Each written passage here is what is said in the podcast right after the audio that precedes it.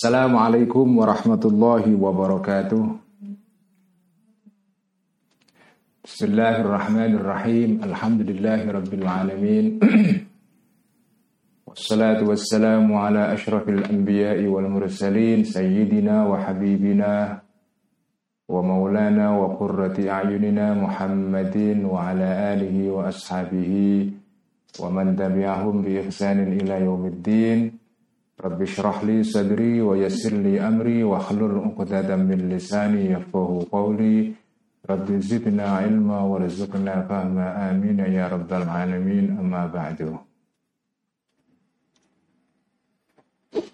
Teman-teman semua, mari kita meneruskan ngaji kitab Faisal Tafriqah.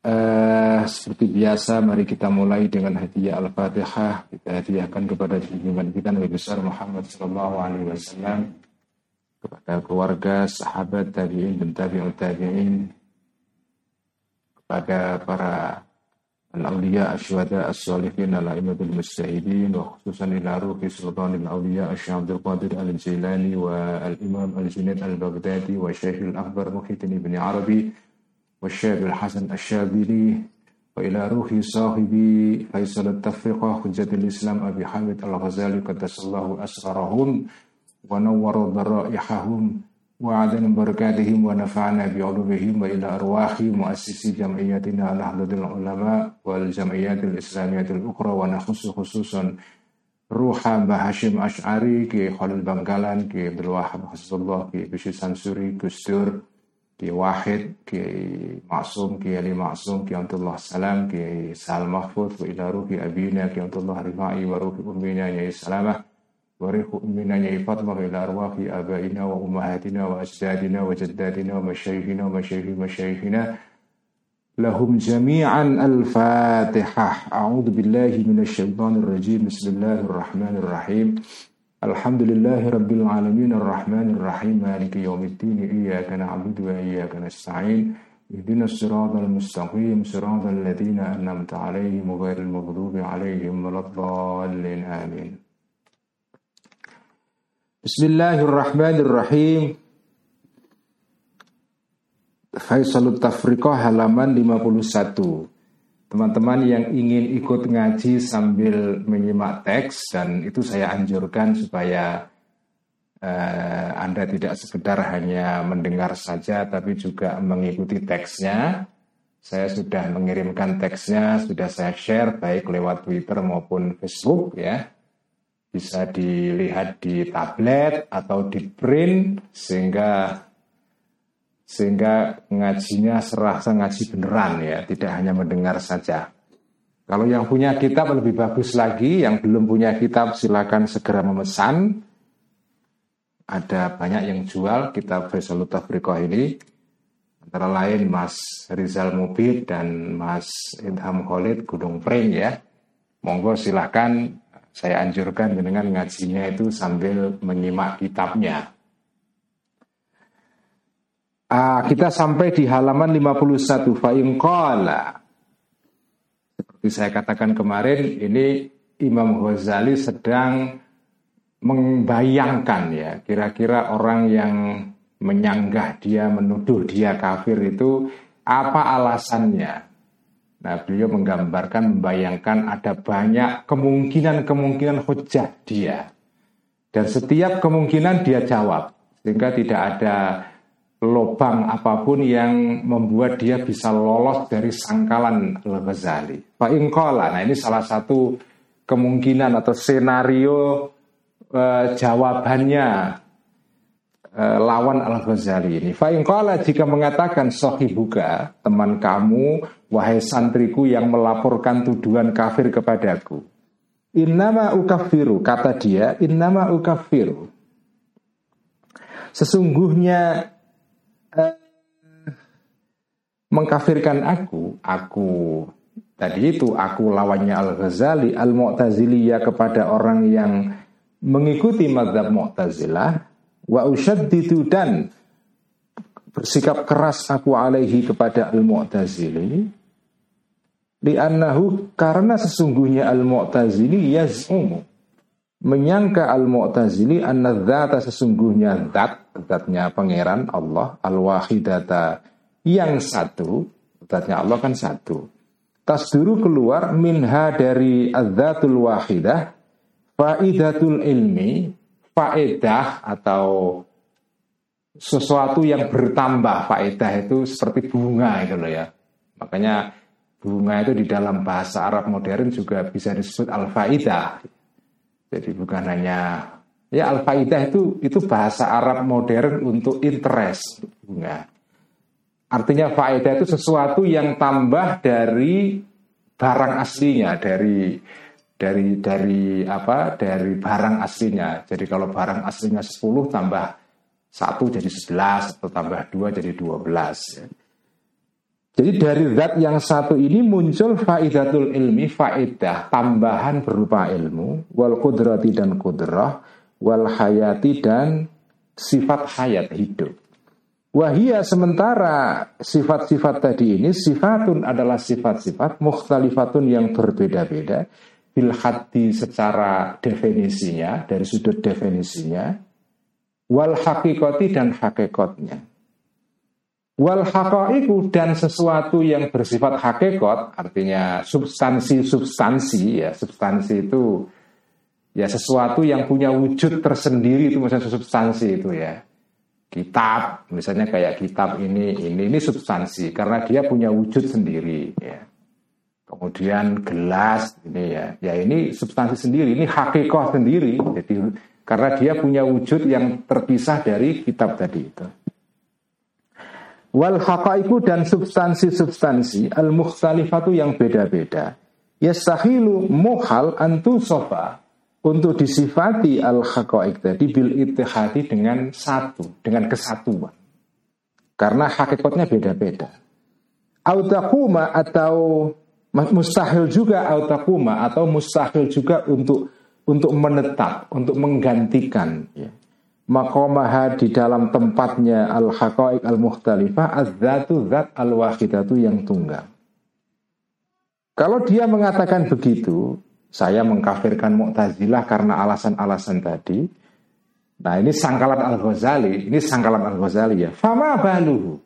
Fama maka apakah maka uh, utawi opoto Mu'tada ini ya, maka adapun apakah jadi kalau saya menggunakan kata adapun dalam bahasa Indonesia itu maknanya adalah kalimat itu statusnya mubtada ya. Kalau itu berarti khobar. Kalau bahasa pesantrennya mubtada itu adalah utawi. Khobar itu iku ya. Mubtada itu subjek, khobar itu uh, predikat ya. Fama maka adapun apakah baluhu itu keadaannya orang tadi itu sohibaka? Layestam itu tidak menganggap aneh sohibaka minal ash'ari terhadap orang yang mengikuti madhab ash'ariyah. Ya. Kaulahu terhadap ucapannya al-ash'ari. Ucapannya al-ash'ari begini Innal kalam Sesungguhnya kalam Kalamnya Allah, sifat kalamnya Allah itu juga sama sifatun sifat wahidatun yang satu koimatun yang menetap yang berada. Bidatillahi terhadap atau pada zatnya Allah Ta'ala. Wa ma'akaunihi. Dan beserta adanya kalam ini kalamnya Allah itu wahidan itu cuma satu ya. Bahwa maka kalamnya Allah itu bentuknya, manifestasinya, terjemahannya, ya itu kan kalam Allah itu banyak. Ada Zaburun kitab Zabur, wa Injilun dan kitab Injil, wa Tauratun dan Taurat, wa Quranun dan Quran. Artinya kalam yang satu di dalamnya ada banyak jenis-jenis kalam yaitu berupa kitab-kitab suci yang diturunkan kepada nabi-nabi yang berbeda itu. Wahua dan kalamnya Allah itu juga selain tadi itu berupa Zabur, Injil, Taurat, Quran itu juga amrun ada yang berupa amar, perintah, wanahyun dan apa, larangan. Macam-macam Jadi kalam Allah itu satu karena Allah itu kan sifatnya tunggal ya. Kalamnya juga tunggal. Tapi di dalam yang tunggal itu ada keragaman juga. Kenapa kamu kok tidak menentang madhab Ash'ari yang mendefinisikan atau memahami sifat Allah itu seperti itu? Kalam yang satu, tapi di dalamnya ada banyak aspek-aspeknya, ada perintah, ada larangan, wa khobarun, dan ada kalam yang berupa berita, barun dan kalam berupa pertanyaan. Di Quran kan banyak kalam-kalam Allah yang berupa pertanyaan itu. Apalah yang uh, misalnya hal yastawil ladzina ya'lamuna wal ladzina la ya'lamun itu kan berupa pertanyaan.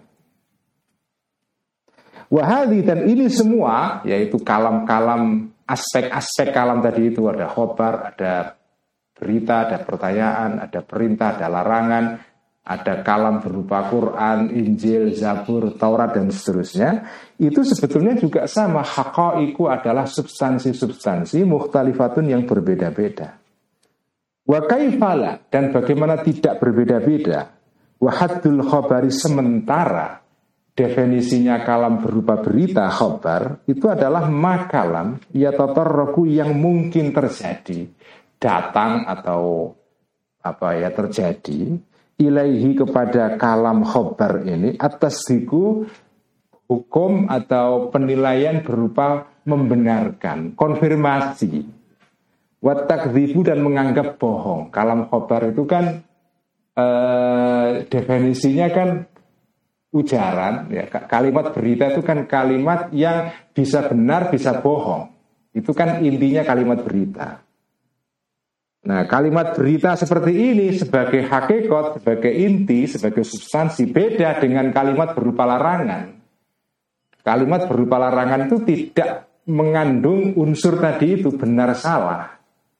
Kalau dia melarang jangan minum, itu kan bukan berita karena bu, bukan berita ya dia dia tidak mengandung larang, tidak mengandung kebenaran atau kebohongan karena larangan itu isinya ya ya sampean sampean harus menjauhi larangan itu. Jadi intinya kalimat berita dengan kalimat perintah atau larangan itu beda secara substansi. Kalau kalimat berita isinya adalah berita bahwa sesuatu terjadi. Nah berita itu bisa bohong, bisa benar. Nah kalau kalimat perintah itu tidak ada benar atau bohong. Misalnya makanlah kamu itu bukan bukan tentang bohong atau benar ya isinya adalah perintah untuk makan orang yang mendengar perintah itu ya dia diharapkan mengikuti isi perintah itu makanya secara substansi kalam berita kalimat berita beda dengan kalimat perintah ataupun kalimat berupa larangan jadi inilah inilah definisinya kalam atau atau kalimat berita kalimat yang isinya bisa benar, bisa bohong. Itulah berita ya. Dengan baca berita di koran itu bisa benar, bisa bohong. Tapi kalau orang diperintah untuk makan, itu tidak mengandung bohong atau benar. Ya orang diperintah kemungkinannya dua, mengikuti perintah atau membangkang perintah. Wala yatatorraku dan tidak terjadi Zalika yaitu atas wa takdib tadi itu Ilal amri kepada Atau tidak datang Zalika aspek tasdik dan takdib Membenarkan konfirmasi atau menganggap bohong Tidak terjadi, tidak datang Ilal amri kepada kalimat berupa perintah Wanahi dan larangan Fakaifa maka ada maka bagaimana takunu ada ada eh, sifat yang kalam seperti itu itu hakikatan berupa hakikat wahidatan yang satu sementara ya tatorrohu yang terjadi yang datang ilaiha kepada hakikat wahidah atas diku uh, pembenaran watakdibu dan pembohongan artinya menganggap bohong. Tetapi juga sekaligus walaya tatarrohu dan tidak terjadi aspek takdib dan tasdik itu. Karena karena dua hal ini terjadi sementara berlawanan, maka faya jema'u, maka mengumpulkan, maka menggabungkan, mengkombinasikan kalam tadi itu, an-nafya nafi yaitu menegasikan wal ithbata dan menetapkan atau konfirmasi. Apa artinya paragraf yang panjang ini ya? Jadi kemarin saya ulang lagi ya, diterangkan. Ini masih bicara soal uh, Al-Ghazali ini menyanggah uh, tuduhan orang yang benci kepada beliau bahwa Al-Ghazali itu kafir. Kemarin kan sudah disanggah beberapa kemungkinan argumennya. Lawannya Al-Ghazali kemarin dibayangkan punya argumen begini disanggah. Argumen begini disanggah lagi. Kemungkinan argumen yang lain lagi disanggah lagi. Nah sekarang ini ada kemungkinan argumen lain. Kalau seandainya lawanku yaitu lawannya Al-Ghazali yang menuduh aku kafir itu dia mengatakan bahwa begini. Aku maksudnya lawannya Al-Ghazali itu tidak menganggap kafir orang Mu'tazilah. Kan kemarin dikatakan aku menganggap kafir orang Mu'tazilah tapi tapi tidak menganggap kafir orang-orang um, yang mengikuti madhab Ash'ari. Jadi musuhnya Al-Ghazali ini menganggap orang Mu'tazilah kafir dan bersikap keras kepada orang Mu'tazilah ini. Sementara terhadap madhab Asyariah dia tidak berlaku keras. Padahal kalau mau dipikir-pikir posisinya orang Mu'tazilah dan Asyariah ya itu secara garis besar atau di permukaan itu nyaris sama. Jadi kalau kamu wahai lawanku menganggap Mu'tazilah itu kafir sementara Asyari tidak, itu sebenarnya nggak konsisten. Kenapa ada kesamaan antara antara ini baru anu ya, baru baru sangkalannya Al Ghazali. Jadi untuk menguji hujahnya atau dalilnya, argumentasinya lawan-lawannya ini. Jadi kalau dia misalnya mengatakan bahwa Mu'tazilah kafir karena dia pengikut pengikut madhab Asyariah. Jadi lawannya Al Ghazali ini sebetulnya sama-sama pengikut Asyariah, sama dengan Al Ghazali. Cuma lawan Al-Ghazali ini menganggap Imam Ghazali melenceng dari akidah Asyariah. Karena itu dianggap kafir. Nah sekarang Al-Ghazali menguji argumennya lawannya ini. Oke, kalau kamu menganggap saya kafir. Sekarang saya tes. Kenapa kamu menganggap Mu'tazilah kafir? Sementara pengikut madhab Asyariah tidak kafir. Padahal kalau mau di diteliti, ditelaah, ada kesamaan antara pandangannya orang Mu'tazilah dan Asy'ariyah. Dalam hal apa? Dalam memahami sifat. Yaitu begini. Orang Mu'tazilah itu ya, dia menganggap Kemarin kan saya terangkan orang Mu'tazilah itu pandangannya, pemahamannya mengenai sifat Allah itu adalah Allah itu sifatnya identik dengan zatnya. Jadi ingat ya kemarin dua hari yang lalu sifatnya Allah itu identik dengan zatnya Allah. Kenapa Mu'tazilah beranggapan atau memahami sifat seperti itu? Karena orang-orang Mu'tazilah punya dasar, punya alasan, yaitu kalau sifat itu sesuatu yang berbeda dengan zat, berarti di dalam diri Allah ada keragaman, ada sesuatu yang lebih dari satu. Jadi misalnya kayak saya ini. Saya ini punya saya ini punya punya substansi, punya zat ulil, itu ada zatnya, ada ya jumlegernya ini, saya ini ya. Nah, kemudian saya ini selain berupa zat tapi juga punya sifat ya. Saya punya ketinggian badan sekian, warna kulit coklat, punya apa itu rambut yang sudah beruban, punya macam-macam. Nah, jadi setiap orang itu kan punya sifat. Setiap orang kan punya sifat. Nah, sifatnya orang itu ini baru lalu ya, kita mencoba untuk menganalogikan dengan contoh berupa manusia. Manusia ya. Manusia itu kan di dalamnya itu ada dua aspek. Ada zatnya manusia, yaitu substansinya manusia. Ada sifat-sifat manusia. Jadi manusia itu sendiri, kemudian sifat-sifatnya itu juga sendiri. Misalnya manusia punya sifat tinggi atau pendek, coklat kulitnya atau putih atau kuning, rambutnya hitam atau apa itu merah misalnya. Apa eh, dan segala macam. Kan setiap manusia punya sifat-sifat. Pertanyaannya, sifat dengan zat itu identik atau terpisah? Jadi misalnya sifat saya yang tinggi ya, itu apakah sama dengan saya? atau beda dengan zat saya? Apakah sifat itu sesuatu yang terpisah tetapi menempel kepada diri saya atau sifat itu identik dengan saya? Kalau sifat itu terpisah dari saya, jadi sifat-sifat saya itu seperti sesuatu yang menempel kepada diri saya, berarti ada saya, ada sifat saya, berarti dua, ya kan? Kalau sifat saya 20 ya berarti ada saya satu, ada sifat-sifat saya yang 20. Nah itu sebagai analogi. Nah sekarang kalau ini kita terapkan pada Gusti Allah.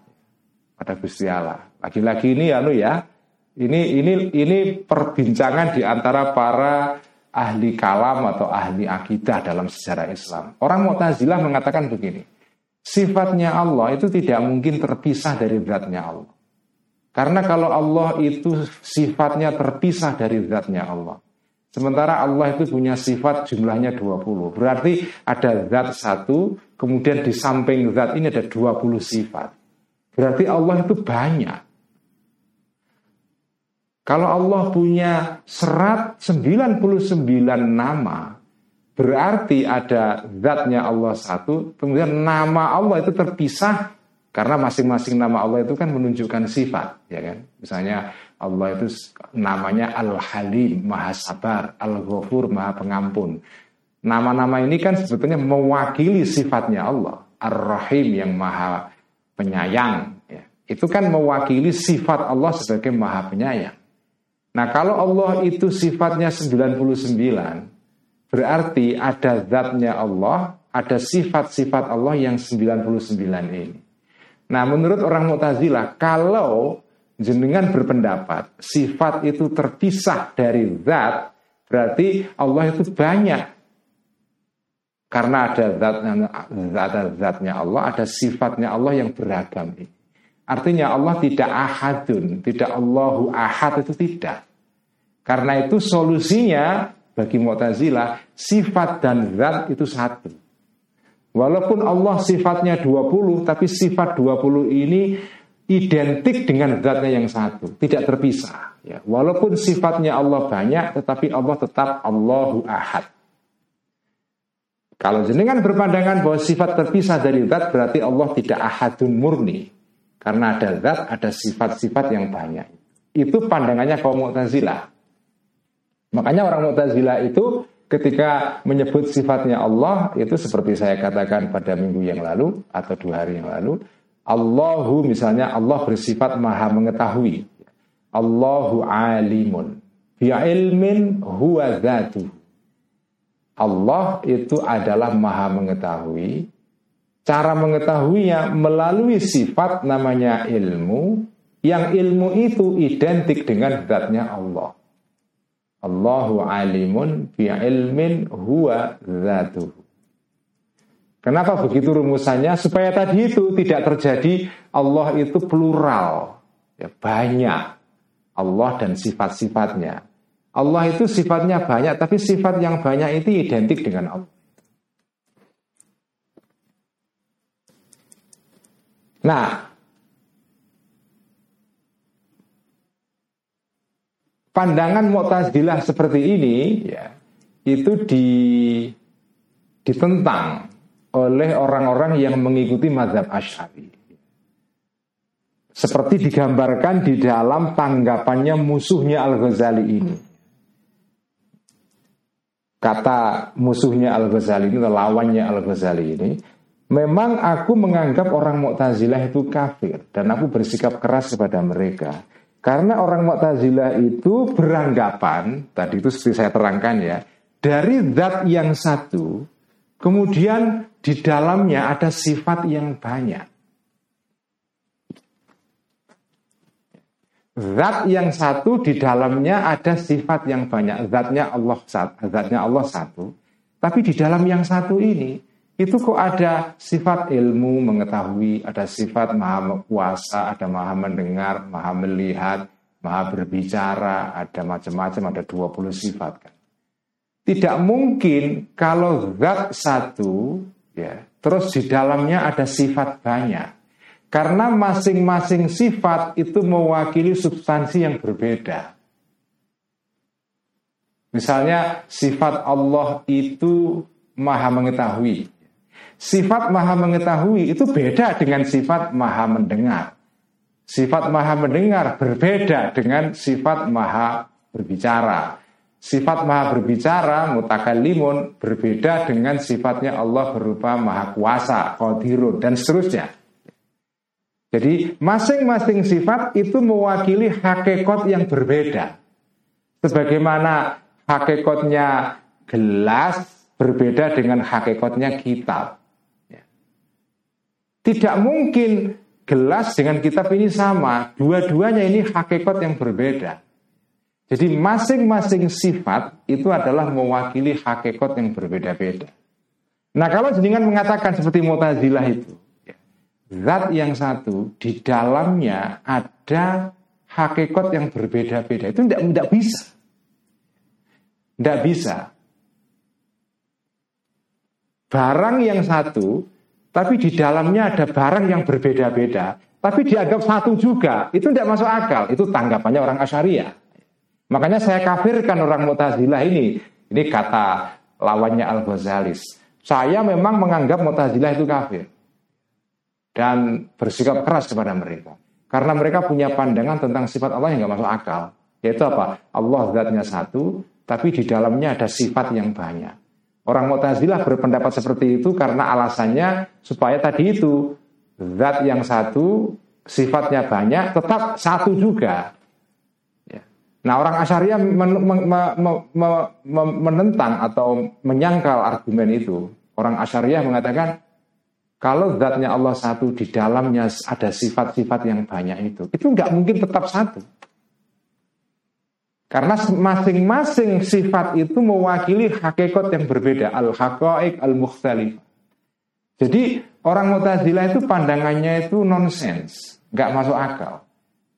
Itu sama dengan mereka menganggap di dalam diri Allah ada pluralitas, ada keragaman.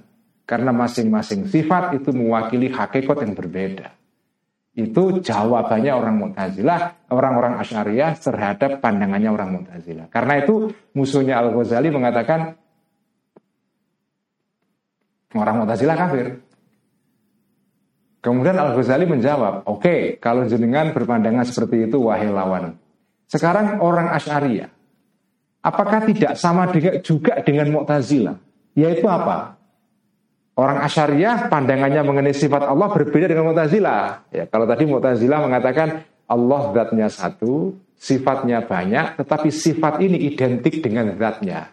Sehingga zat dan sifat itu sama, walaupun sifatnya banyak, tapi itu tidak berarti bahwa Allah itu banyak. Karena apa? Karena sifat dan zat menyatu, ya. menyatu, manunggal. Nah kalau pandangan asyariah nggak begitu. Pandangan asyariah adalah sifatnya Allah itu tidak juga menyatu, tapi juga tidak terpisah.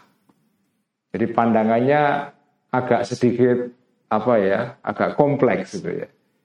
Jadi orang-orang Asyariah, akidah Asyariah itu tidak menganggap sifatnya Allah itu identik dengan zatnya Allah, juga tidak terpisah dari zatnya Allah. Jadi terpisah penuh juga tidak, karena kalau terpisah penuh berarti kan ada Allah, ada sifat-sifatnya, berarti Allah banyak. Ada zat dan sifat. Tetapi juga tidak manunggal seperti kata orang Mu'tazilah. Karena kalau manunggal berarti zat di dalamnya ada hakikat yang berbeda. Sifat-sifat tadi kan sifat-sifat yang berbeda-beda itu mewakili hakikat atau substansi yang beda-beda. Nah, kalau orang Mu'tazilah seperti itu anggapannya berarti mereka berpandangan di dalam zatnya Allah ada banyak hal. Artinya orang Mu'tazilah juga tidak tauhid-tauhid amat. Tauhidnya itu tidak murni juga karena menganggap zatnya Allah di dalamnya ada banyak hakikat yang berbeda berupa sifat-sifat ini. Makanya orang Asyariah mengatakan sifatnya Allah tidak identik dengan Allah, tapi juga tidak terpisah seluruhnya dari Allah. Ya. Tidak identik, tidak manunggal, tapi juga tidak terpisah. Kalau manunggal sama dengan Mu'tazilah, kalau terpisah itu ya sama dengan orang-orang yang menganggap Allah itu berarti banyak. Asyariah mengatakan tidak dua-duanya. Jadi kira-kira jalan tengah lah. Ya. Nah, Al-Ghazali kemudian menyangkal tadi lawannya. Kamu kalau mau meneliti pandangannya orang-orang Asyari itu juga juga dalam satu segi nggak beda loh dengan orang Mu'tazilah. Contohnya apa? Contohnya kalam. Sifat kalam. Allah itu punya sifat namanya mutakallimun, maha berbicara. Melalui wahyu dan segala macam. Allah itu sifatnya kalam, berbicara. Nah kalam ini menurut Ash'ariyah kan maknanya adalah sifat Allah yang tidak identik dengan Allah tapi juga tidak terpisah dari Allah. Oke, saya setuju. Tetapi kalau jenengan, ini kata Al-Ghazali ya, untuk menyanggah musuhnya tadi itu lawannya. Sifat Allah berupa kalam itu memang satu.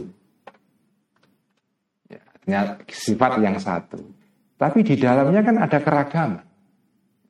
Sama dengan tadi itu orang Mu'tazilah, zatnya Allah satu, tapi di dalamnya ada sifat-sifat yang banyak.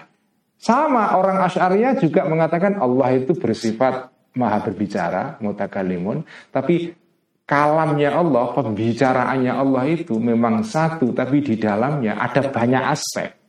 Yaitu apa? Ada kalam Allah berupa Quran, ada berupa Zabur, kitab kitabnya Nabi Dawud, ada kitab Taurat, kitabnya Nabi Musa. Di dalam Quran ada kalam berupa kalam kalimat berita, ada berupa perintah, ada berupa larangan, ada berupa pertanyaan dan macam-macam. Dan masing-masing jenis-jenis ini itu hakikat yang berbeda-beda juga. Karena kalam atau ujaran atau kalimat di dalam Quran yang berupa berita itu adalah hakikat tersendiri yang berbeda dengan kalam berupa perintah dan larangan. Karena per definisi beda.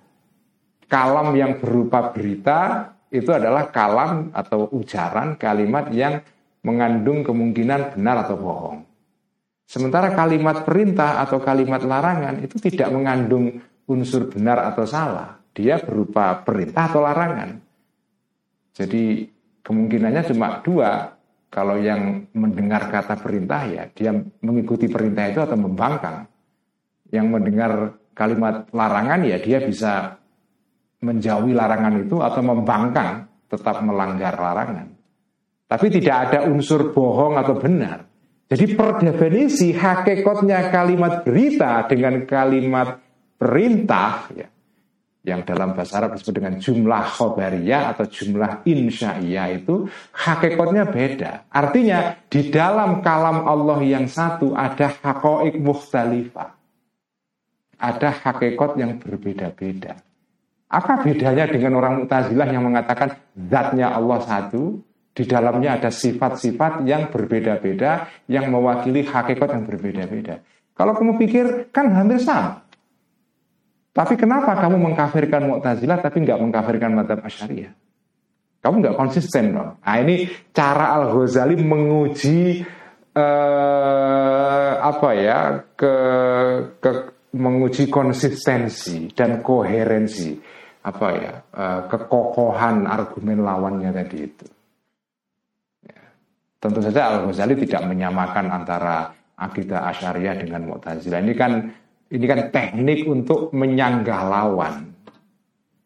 Coba kamu kalau saya sangkal dengan cara begini jawabanmu bagaimana? Nah, kira-kira gitu. Saya saya Al Ghazali, saya tidak menganggap bahwa Asy'ariyah dengan Mu'tazilah itu sama. Tapi kan ada kesamaan. Coba, kamu kenapa Asy'ariyah kamu anggap akidah yang benar sementara Mu'tazilah itu salah? Padahal sama-sama menganggap di, di dalam diri Allah itu juga ada yang satu tapi juga ada keragaman. Ada zat yang satu dan dengan sifat-sifat yang banyak seperti pandangan Mu'tazilah atau ada sifat yang satu kalam tapi di dalamnya ada jenis-jenis kalam yang berbeda. Kan sama saja itu ada keragaman. Artinya Allah tidak Allahu Ahad secara murni. Baik Mu'tazilah dan Asyariah itu ada unsur begitunya. Kenapa yang Mu'tazilah kamu kafirkan, yang Asyariah tidak? Itu makna dari uh, paragraf ini. Ini diuji ini ya, jadi lawannya Al-Ghazali diuji ini kayak ujian disertasi ini ya. Coba, ini tak tunjukkan kelemahan argumen kamu. Gimana jawaban kamu? Fa'in tahabbato. Jika terseok-seok orang ini yang lawannya Al-Ghazali ini, sohibuga tadi, fi jawab untuk menjawab sangkalan saya ini, wa ajaza dan tidak mampu sohibuka an kasyul gitu untuk mengungkap tirai atau hijab ya fihi di dalam masalah hadza ini. Kalau dia tidak mampu menanggapi sangkalan saya fa'lam maka ketahuilah anna sesungguhnya orang ini sohibuka ini laisa tidak ada orang ini min ahli nazari dari termasuk orang yang ahli dalam berpikir dia ini sebetulnya nggak mampu, bukan kategorinya seorang intelektual dia. Dia hanya taklid-taklid saja. Nah kalau taklid kok berani mengkafirkan saya? Kalau taklid ya tahu diri dong. Itu itu kira-kira begitu. Ini ini ini Abu Ghazali jengkel ini. Lawang kelasnya aja kelas taklid kok mau mengkafirkan ulama. Kan tidak tahu diri. Kalau dia nggak mampu menjawab sangkalan saya, berarti dia bukan ahli An-nazar, bukan ahli nazar. Orang yang punya kemampuan untuk menalar dengan mendalam. Dia hanya ikut-ikutan gurunya. Kalau ya ikut-ikutan ya sudah, diam saja, nggak usah. Nggak usah ikut-ikutan berpendapat mengkafirkan ulama besar itu ya keliru itu. Wa inna ma huwa sesungguhnya sahibuka ini muqallidun seorang yang taklid. Kata kamu kamu tuh taklid, pengikut. Wa syaratul muqallidi dan syaratnya orang yang taklid itu adalah nak jenengan taklid kelasnya kelas taklid santri maka ya an yaskuta diam san muqallid ini wa kata dan didiamkan anhu terhadap santri atau muqallid itu. Jadi ya harus tahu diri posisinya. Kamu kalau taklid ya diam, nggak usah ikut-ikutan berdebat. Li'annahu karena sesungguhnya mukallid qasirun itu tidak mampu ansulu tariqil khijazi untuk menempuh jalannya perdebatan. Enggak mampu menjawab itu. Walau kana dan jika ada mukallid ahlan itu mampu lahu terhadap tariqul hijaz. Karena maka adalah kalaupun dia mampu untuk ber, mengikuti atau menalar dia mampu untuk mengikuti jalan hujah jalannya orang-orang yang mampu berdebat.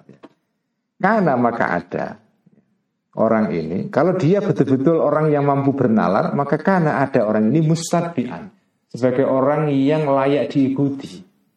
Orang yang menuntut pengikut misalnya layak diikuti. La tabi'an bukan orang yang ikut.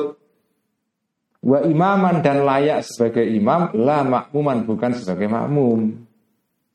Itu kalau dia mampu bernalar. Kalau dia mampu benar, berarti dia mampu menjawab pertanyaan saya ini.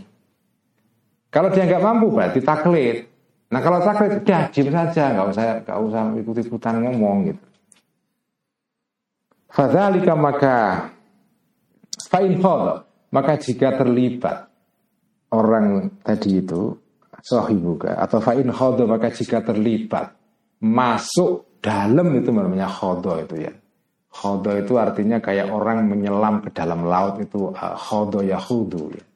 Orang yang menyelam ke dalam sesuatu dengan dalam sekali.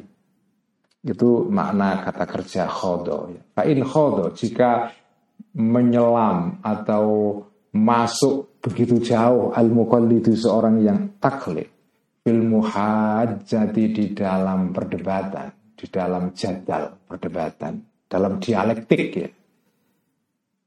Fadzalika maka keterlibatannya itu fadzalika e fadzalikal khawdu minhu dari sahibuka fudulun adalah tindakan yang apa ya yang tidak penting, tindakan yang di luar kebutuhan pokok dia, suatu kemewahan, sesuatu yang tidak merupakan pekerjaan pokok dia atau tupoksi dia itu namanya fudulun. Kalau ada orang yang kelasnya taklid, ikut-ikutan berdebat, udahlah itu itu itu sesuatu yang di luar kemampuan dia. Hudurun itu itu sesuatu yang lebih dari kemampuan dia. Dia nggak bisa sebetulnya. Karena itu nggak usah dirawes, nggak usah diperhatikan itu. Wal mustahilu dan orang yang terli, orang yang sibuk, orang yang melak, orang yang sibuk melayani bihi terhadap mukallid seperti itu, kalau ada orang berdebat dengan orang yang kelasnya taklid, maka daribun itu seperti orang yang memukul-memukul, ya. Memukul artinya dalam pengertian me, apa ya, memukul seperti tukang besi itu loh, memukul besi itu loh ya. Daribun itu seperti orang yang memukul fi di dalam besi baridin yang sudah dingin. Artinya apa? Keras. Artinya jenengan mau berdebat dengan dia nggak akan mengubah dia. Dia ini orang yang sudah mengkelasnya bukan orang kelas berpikir. Kelasnya kelas taklid. Orang yang taklid itu seperti besi yang dingin. Artinya apa? Sudah susah diubah. Karena dia nggak berpikir. Karena kalau besi itu sudah dingin susah dibentuk-bentuk. Kalau masih panas itu diliak-liokkan enak. Artinya kalau orang itu bernalar itu seperti besi yang masih panas. Dia bisa bisa apa ya diajak diskusi secara produktif itu kalau orang yang bernalar. Seperti besi yang panas baru dipanggang kemudian dipukuli dengan martil ya kemudian bisa dibentuk itu menjadi keris menjadi pisau menjadi tombak dan seterusnya. Itu kalau orang bernalar. Kalau orang nggak bernalar ya susah. Watalibun dan orang yang berdebat dengan orang yang taklid itu watalibun seperti orang yang mencari ya, islah berusaha islahal fasidi untuk memperbaiki sesuatu yang sudah rusak. Nasi sudah jadi bubur, nggak bisa sampai balik kan jadi berat lagi, udah nggak bisa. Wahal yuslihu dan apakah bisa memperbaiki al atoru tukang minyak ma sesuatu afsada yang sudah merusak adharu waktu. Ini ini sebetulnya ungkapan anu ini. Ini kalam masal. Ini ini kata-kata mutiara. Dalam bahasa Arab itu ada banyak namanya kalam masal. Seperti kalimat mutiara dalam bahasa Melayu itu. Dalam bahasa Jawa itu ya unen-unen gitu. Nah ini sebetulnya kalimat mutiara ini kalam masal. Apakah orang yang ahli minyak itu bisa memperbaiki sesuatu yang dirusak oleh waktu? Nah ini kalau makal ini berasal dari sebuah kisah. Kisahnya menarik. Jadi ini berasal dari kisah di masyarakat Arab. Dulu itu ada orang Badui yang terkecoh dengan kecantikan seorang perempuan. Yang sudah tua perempuan ini, cuma dia memakai make up yang tebal pakai minyak wangi, make up yang tebal. Al-ator itu kalau sekarang kira-kira ya tukang salon lah ya. Tukang minyak yang yang bisa mempermak orang yang sudah tua jadi muda. Gitu. Lalu orang Badui ini ter, tertarik dengan kecantikan perempuan tua yang yang pakai make up tebal ini, kemudian dia melamar dia, nikahlah. Setelah nikah, ternyata dia sudah tua, tertipu. Akhirnya dia menulis syair panjang ya. Nah ini salah satu kutipan petikan dari syair panjang dia yang mengeluh karena tertipu oleh tampilan seseorang perempuan tadi itu. Syairnya itu, syairnya bunyinya adalah kalau kutipan lengkapnya ya. Uh, Ajuzun turajji an fatiyatan وقد نحل الجنبات واحتوثف الظهر آه، apa itu آه،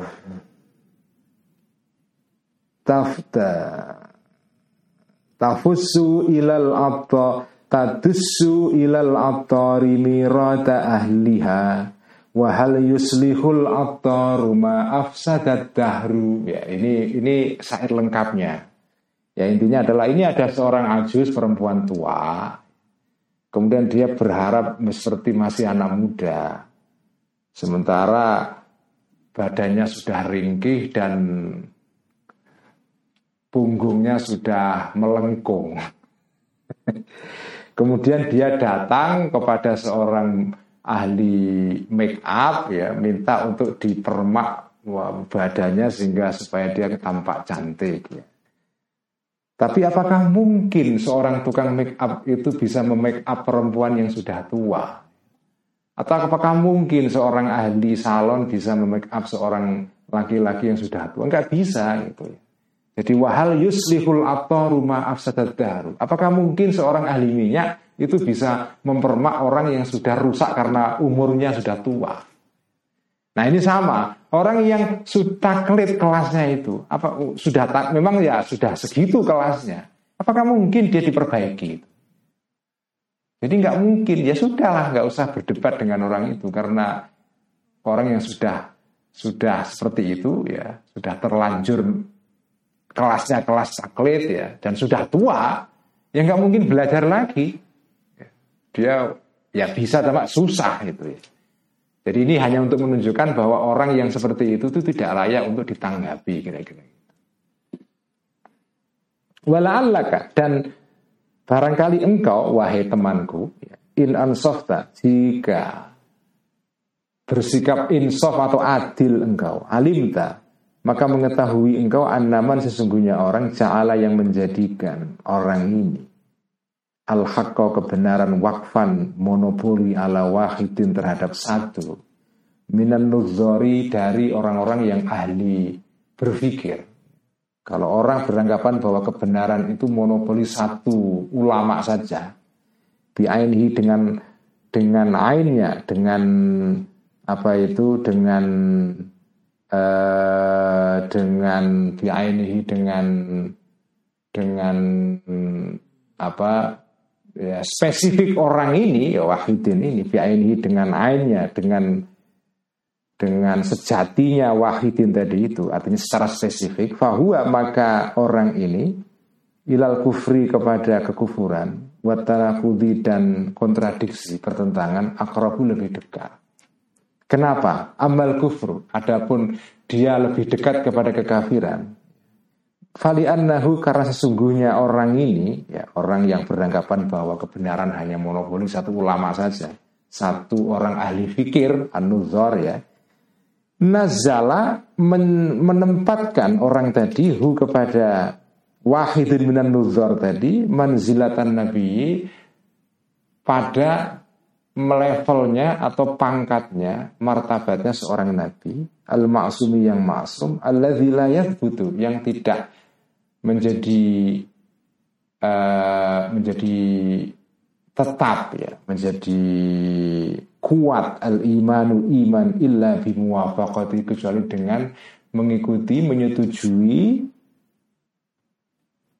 apa itu? Wa uh, menyetujui an-nabi al-ma'sum tadi. Walayal zamu dan tidak tetap tidak terjadi tidak apa tidak tetap al kufru kufur illa bimukhalafatihi kecuali dengan berbeda atau apa menentang an-nabiyul ma'sum tadi. Orang yang mengatakan bahwa kebenaran itu monopoli satu ulama saja, satu orang saja, satu orang ahli ahli nazar, ahli berpikir ya. Misalnya kebenaran itu hanya monopoli madhab Asy'ariyah saja atau kebenaran hanya monopoli Mu'tazilah saja atau madhab yang lain. Nah orang seperti ini itu lebih rentan terjatuh kepada kekafiran dan kepada kontradiksi. Kenapa dia lebih dekat kepada kekafiran? Karena orang seperti ini menganggap bahwa kebenaran itu hanya monopoli satu ulama itu atau orang itu dan dengan pendapatnya seperti itu, dia sebetulnya menempatkan orang itu, ulama tadi yang dijadikan panutan dia, seperti seorang nabi yang tidak mungkin salah. Yang maksum kan hanya kanji nabi saja. selain kanjeng Nabi ya bukan maksum. Artinya bisa salah juga. Nah kalau jenengan mengatakan kebenaran hanya monopoli satu ulama saja itu sama dengan jenengan menganggap ulama itu sama dengan nabi. Nah, itu itu itu tidak benar pandangan seperti itu. Itu kenapa dia dekat kepada kekufuran. Kalau jenengan menyamakan seorang alim dengan nabi itu itu ya jenengan terjatuh kepada kekufuran. Karena jenengan menganggap ada nabi setelah kanjeng nabi. Wa amat tanafudu adapun lebih dekat kepada kontradiksi maka fahuwa alasannya adalah fahuwa maka sesungguhnya tanakut itu adalah annakulla wahidin sesungguhnya setiap masing-masing minan nuzari dari ahli nazar ahli berpikir ulama yang kelasnya kelas ahli nazar setiap orang yang ahli nazar, ahli berpikir itu mujibun akan mengharuskan wahidin ini lin nazari untuk berpikir. Orang itu kalau ahli berpikir itu ya mengajak orang lain untuk kalau bisa sama dengan dia. Ahli berpikir. Wa muharrimun dan mengharamkan orang ini litakriti kepada taklid. Jadi kalau orang itu kelasnya ahli nazar, itu ya dia mengharuskan ya semua orang itu idealnya adalah sampai kepada kelas berpikir itu bukan sekedar taklid. Dia bahkan mengharamkan taklid. Nah kalau jadi kalau kalau ada orang kalau ada orang mengaku sebagai ahli nazar, mestinya dia itu ya, itu mengajak orang lain itu berpikir bukan bertaklid. Jadi kalau ada orang ahli berpikir, itu mestinya mengajak orang lain untuk berpikir. Bukan untuk bertaklid dengan dia. Nah, tetapi ini jenengan mengikuti seorang ulama, ya. Ulama ini jenengan sebagai anggap orang yang memonopoli kebenaran dan orang lain harus ikut dengan dia. Nah, itu kontradiksi. Ulama ahli nazar mestinya mengajak orang lain untuk berpikir seperti dia, tapi kok ini mengajak orang lain untuk taklid dengan dia, berarti itu kontradiksi itu. Orang yang ahli nazar itu yang ngajak orang lain untuk berpikir seperti dia, bukan mengajak taklid. Ya kecuali kalau orang yang sudah nggak mampu berpikir sendiri ya memang taklid. Tapi kalau dengan taklid ya sudah kamu nggak usah ikut-ikutan berdebat. Kamu nggak usah ikut-ikutan. Tapi ini kan pembicaraannya dengan orang yang kepengen berdebat. Ya. Kalau ada orang ahli nazar, itu mestinya ya ngajak orang lain untuk berpikir seperti dia. Bukan ngajak taklid kepada dia. Nah kalau ada ahli nazar, jenengan anggap sebagai pemilik kebenaran satu-satunya, pemonopoli kebenaran. Itu artinya jenengan ngajak orang lain untuk taklid kepada dia. Padahal mestinya ahli nazar itu tidak ngajak orang lain bertaklid, tetapi berpikir seperti dia. Nah ini kontradiksi ya. Ngajak berpikir tapi kok ngajak bertaklid. Kalau berpikir berarti ya tidak taklid. Kalau taklid ya tidak berpikir. Tapi ini ngajak dua-duanya. Ngajak berpikir tapi juga sekaligus ngajak taklid. Karena pandangan kamu bahwa kebenaran itu hanya milik satu orang ini, itu berarti kamu mengajak orang lain bertaklid kepada dia. Sementara seharusnya orang itu tidak bertaklid kepada dia, tetapi berpikir seperti dia. Nah kalau berpikir itu berbeda dengan bertaklid itu. Pakai maka bagaimana mungkin takulu mengatakan engkau, ya jibu alaikan nazaru ma'ataklidi. Bagaimana mungkin kamu mengatakan kepada orang lain yang kamu ajak untuk bertaklid dengan ulama ini ya. Ya jibu wajib alaika kepada engkau an nazaru berpikir, tetapi juga ma'ataklidi berserta taklid kepada aku.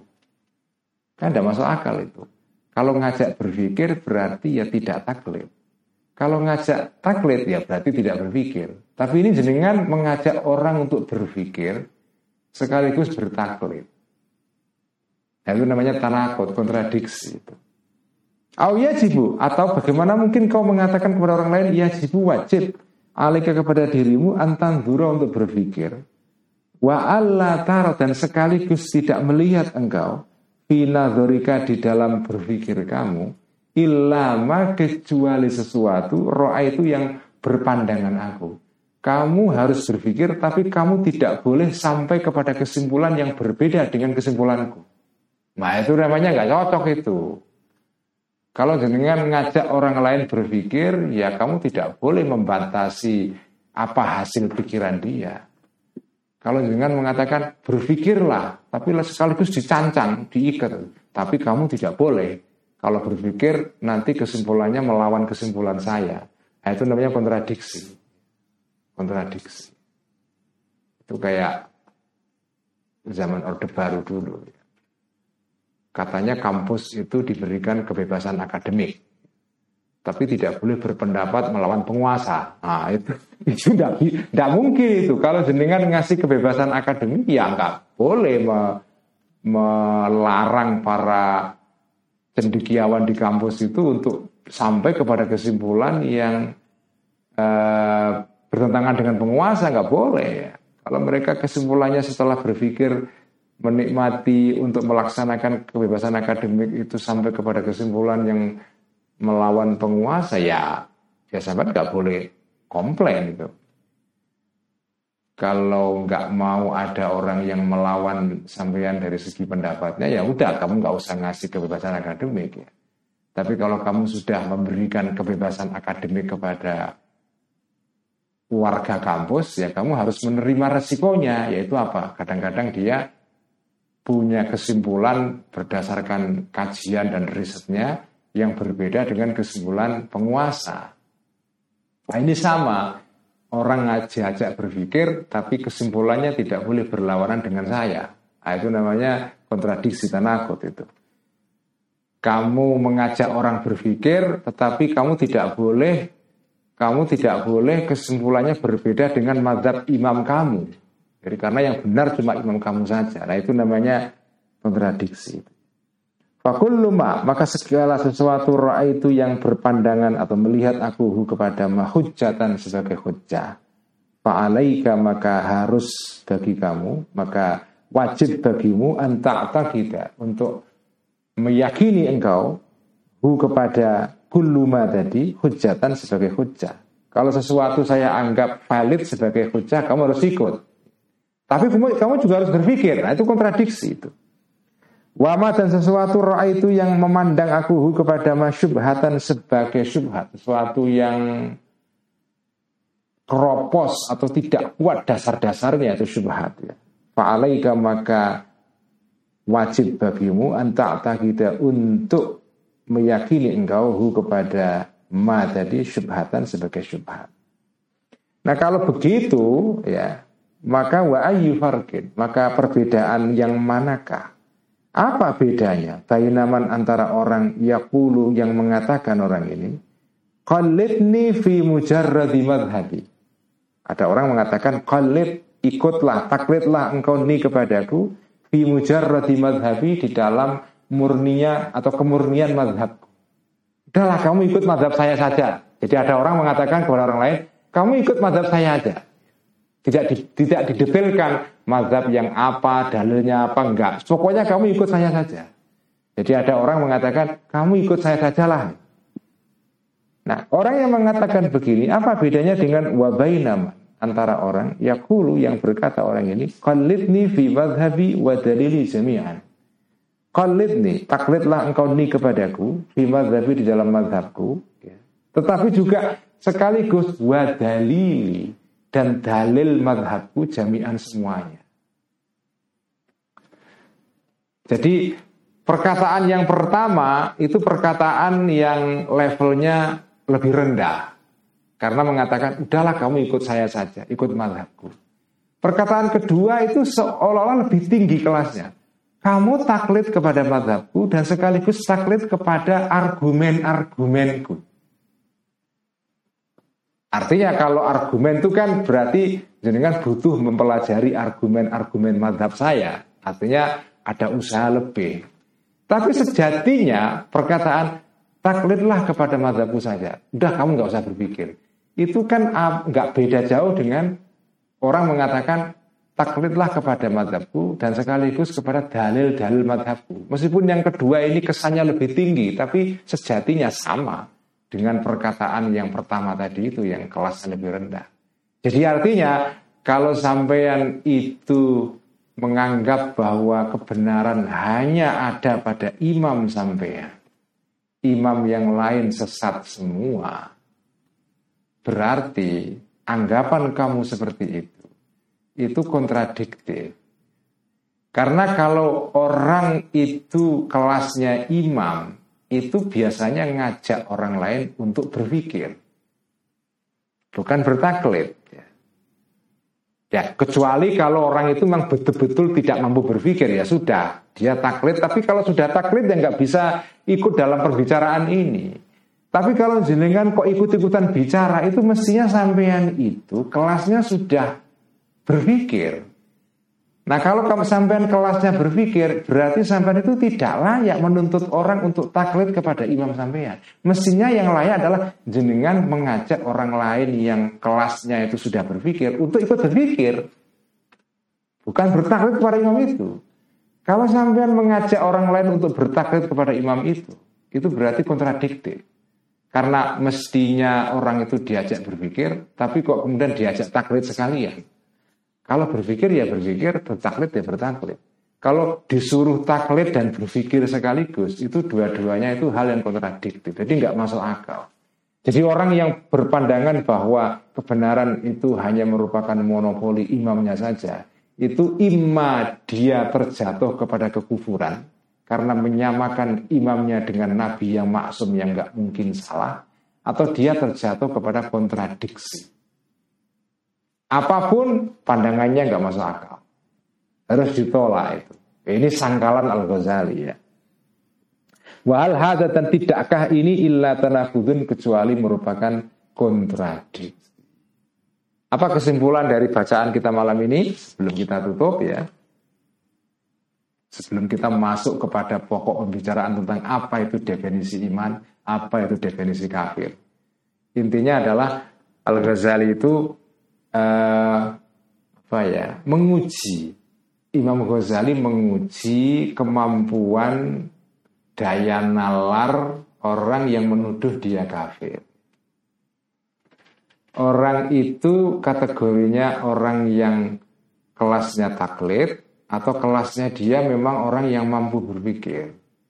Kalau kelasnya taklid ya sudah diem saja, nggak usah menuduh-nuduh orang lain kafir. Kalau jenengan orang awam, ya, ya sudah nggak usah menuduh orang yang kelasnya seperti Profesor Shihab atau hanya karena Profesor Kures punya pendapat yang tidak sama dengan dia terus dikafir-kafirkan, disesatkan, dimurtadkan. Nah itu kalau jenengan kelasnya itu adalah masih kelas mukolit ya, kelas taklid dengan kelasnya itu murid yang meniru saja, yaitu itu itu tidak pantas itu.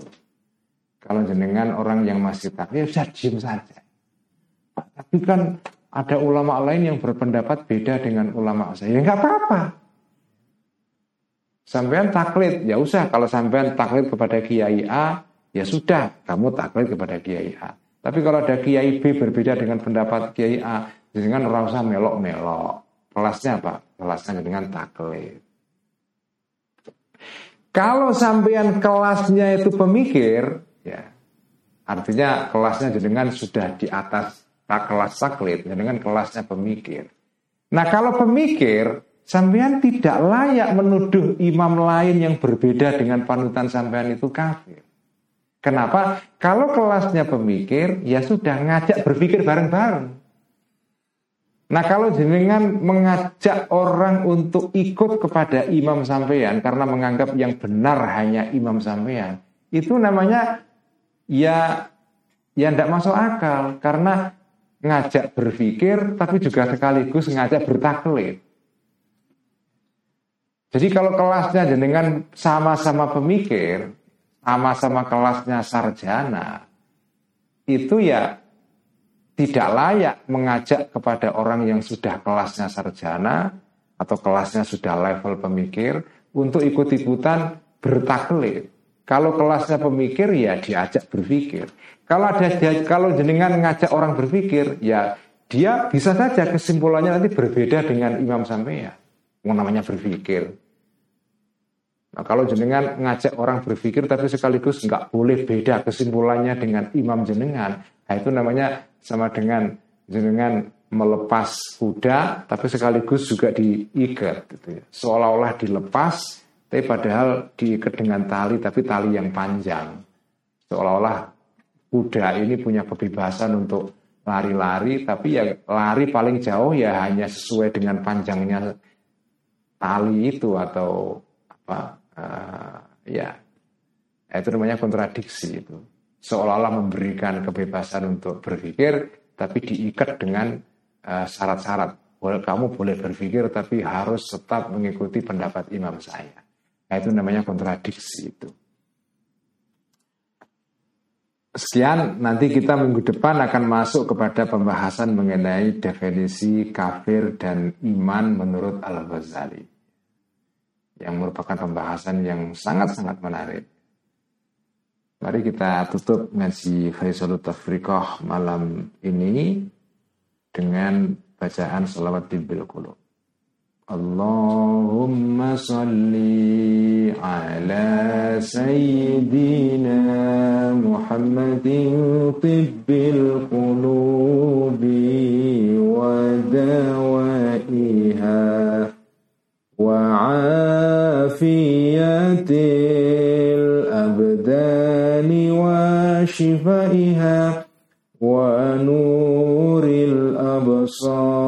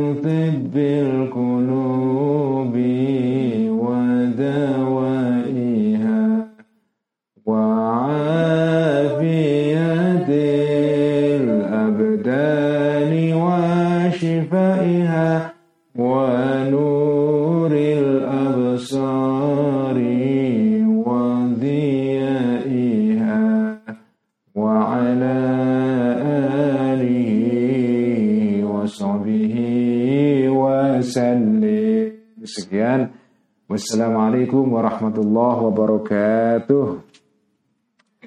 Terima kasih teman. Ah, ada Profesor Oman. Terima kasih.